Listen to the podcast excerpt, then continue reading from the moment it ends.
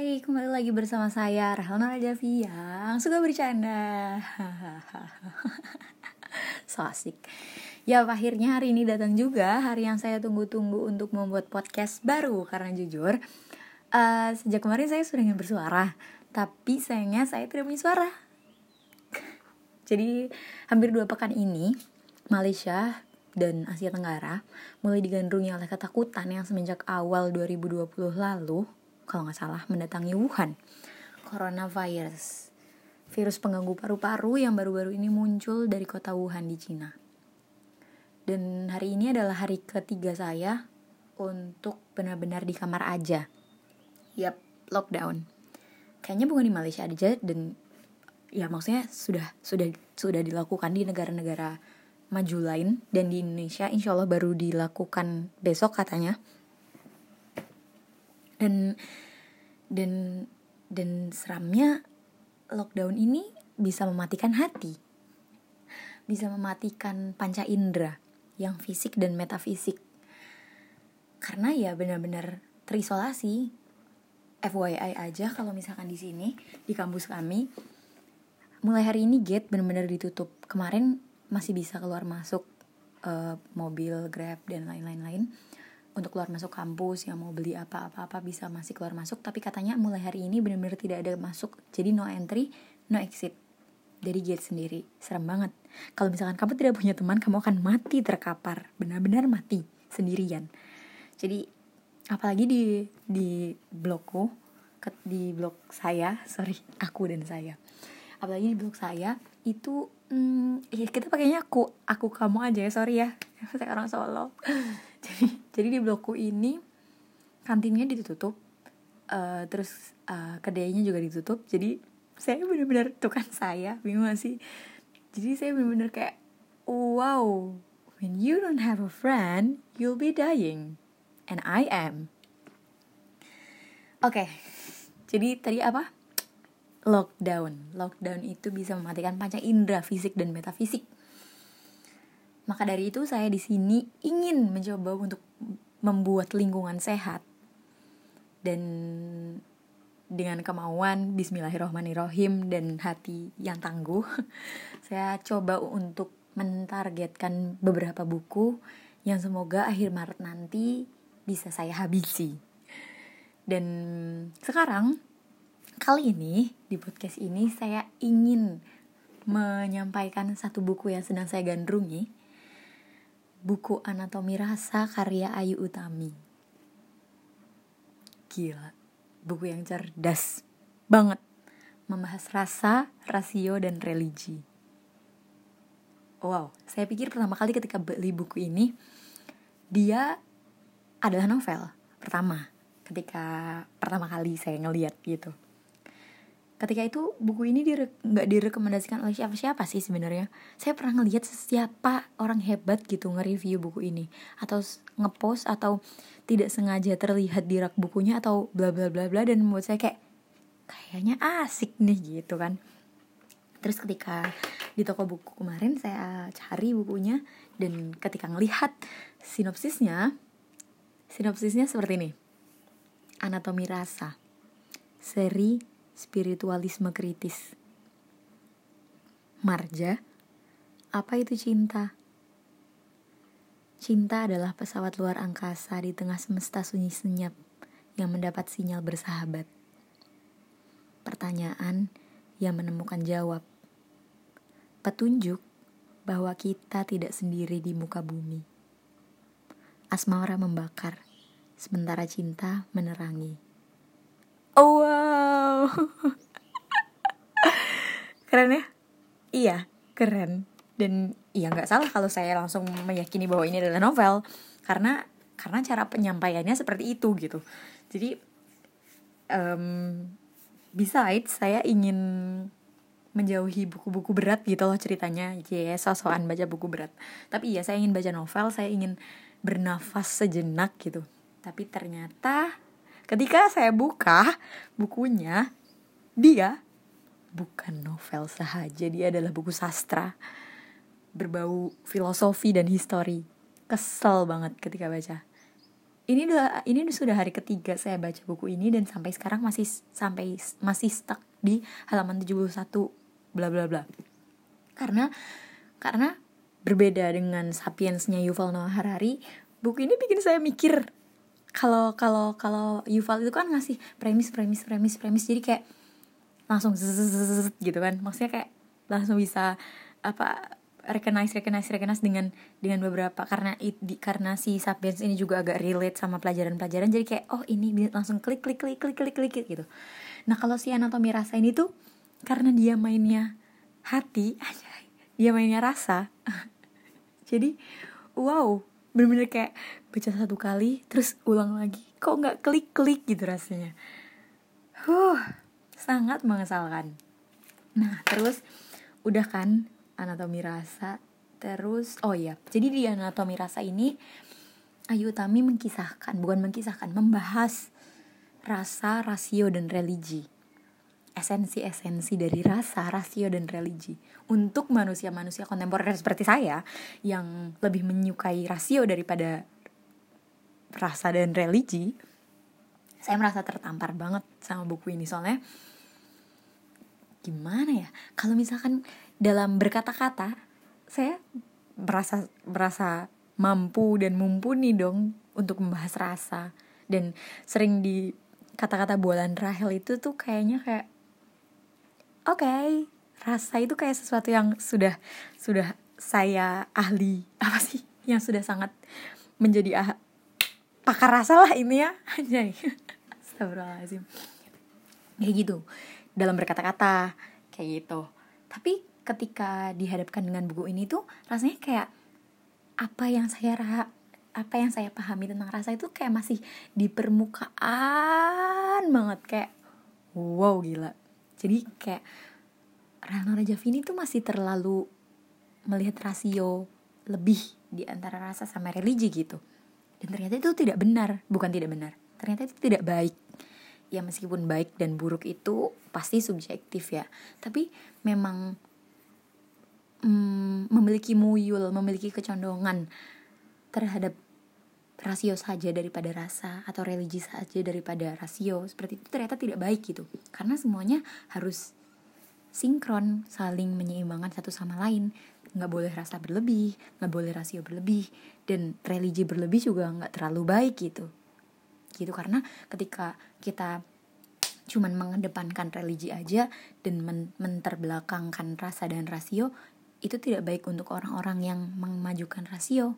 Ketika kita memajukan rasa saja, itu tidak baik juga untuk orang-orang yang menghadapkan religi. Jadi yang paling baik adalah menyeimbangkan semuanya, ya nggak sih? Nah, yang keren adalah Ayu Utami di sini menjelaskan esensi dari ketiga hal tersebut dengan premis-premis yang dia bawa lewat legenda yang telah disampaikan oleh orang-orang Jawa.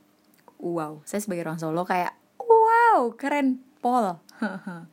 kayak gitu jadi huh jadi ya langsung aja ya di sini ada ada satu bab awal yang langsung kayak membuat saya jatuh cinta. Di sini Ayu Utami mengkisahkan tentang um, legenda legenda Pandawa 5 legenda Pandawa 5 yang insya Allah kalian udah pada denger ya. Legenda Pandawa 5 jadi jadi seperti ini. Bima diberi tugas oleh gurunya untuk mengambil air kehidupan Titra Pawitra dalam suatu misi mencari kesempurnaan hidup.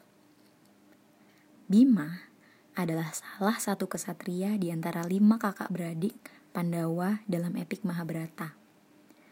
Ia bertubuh paling besar dan gagah dan bicara apa adanya.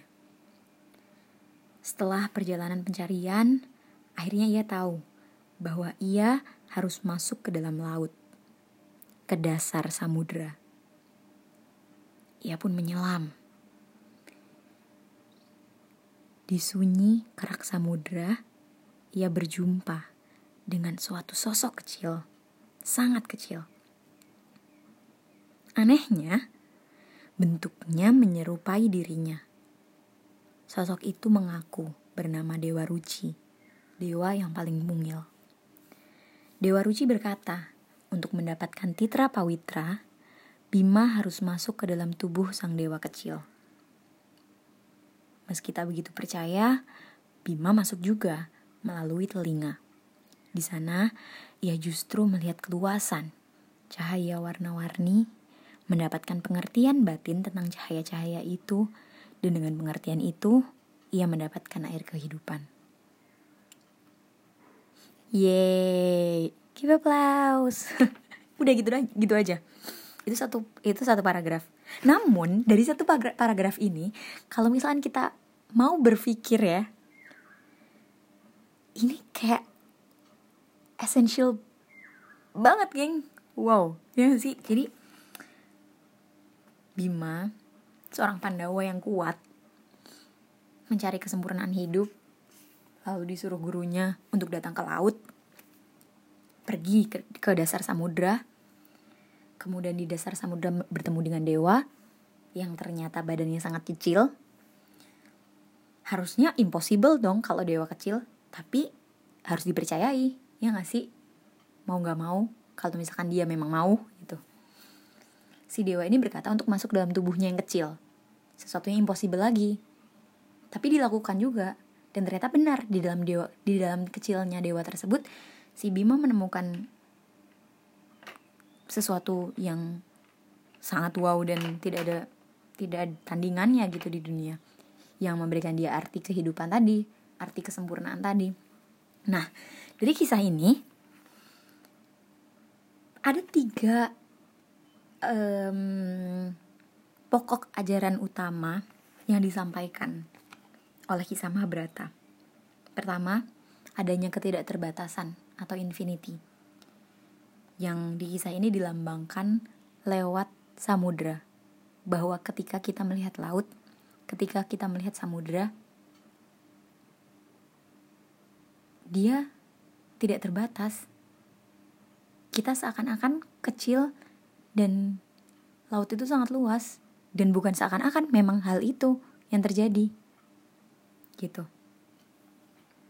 terus kedua adanya kenyataan di balik permukaan. Adanya hal metafisika dalam fisika. Yang digambarkan lewat tadi metafora lautan. Ketika kita melihat laut kita lihat suatu keluasan yang seakan-akan tidak ada ujungnya.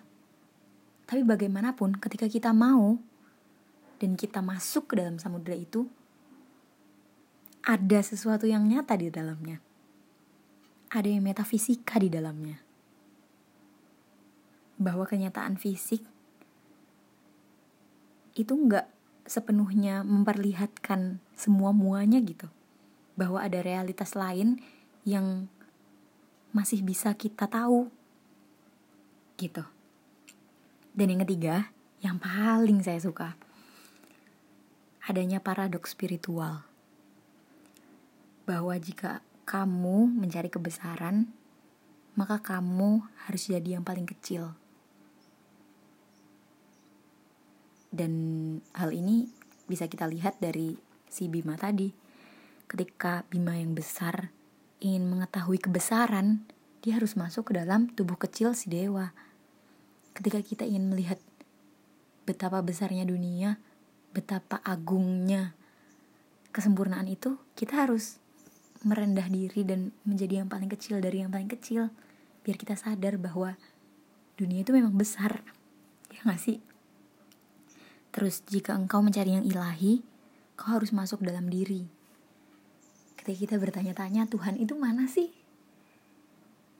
Sebenarnya kita nggak perlu membuka mata dan dan mencari-cari di mana Tuhan tapi kita masuk ke dalam diri karena ya keilahian itu nanti akan muncul ketika kita sudah memahami siapa kita ya gak sih?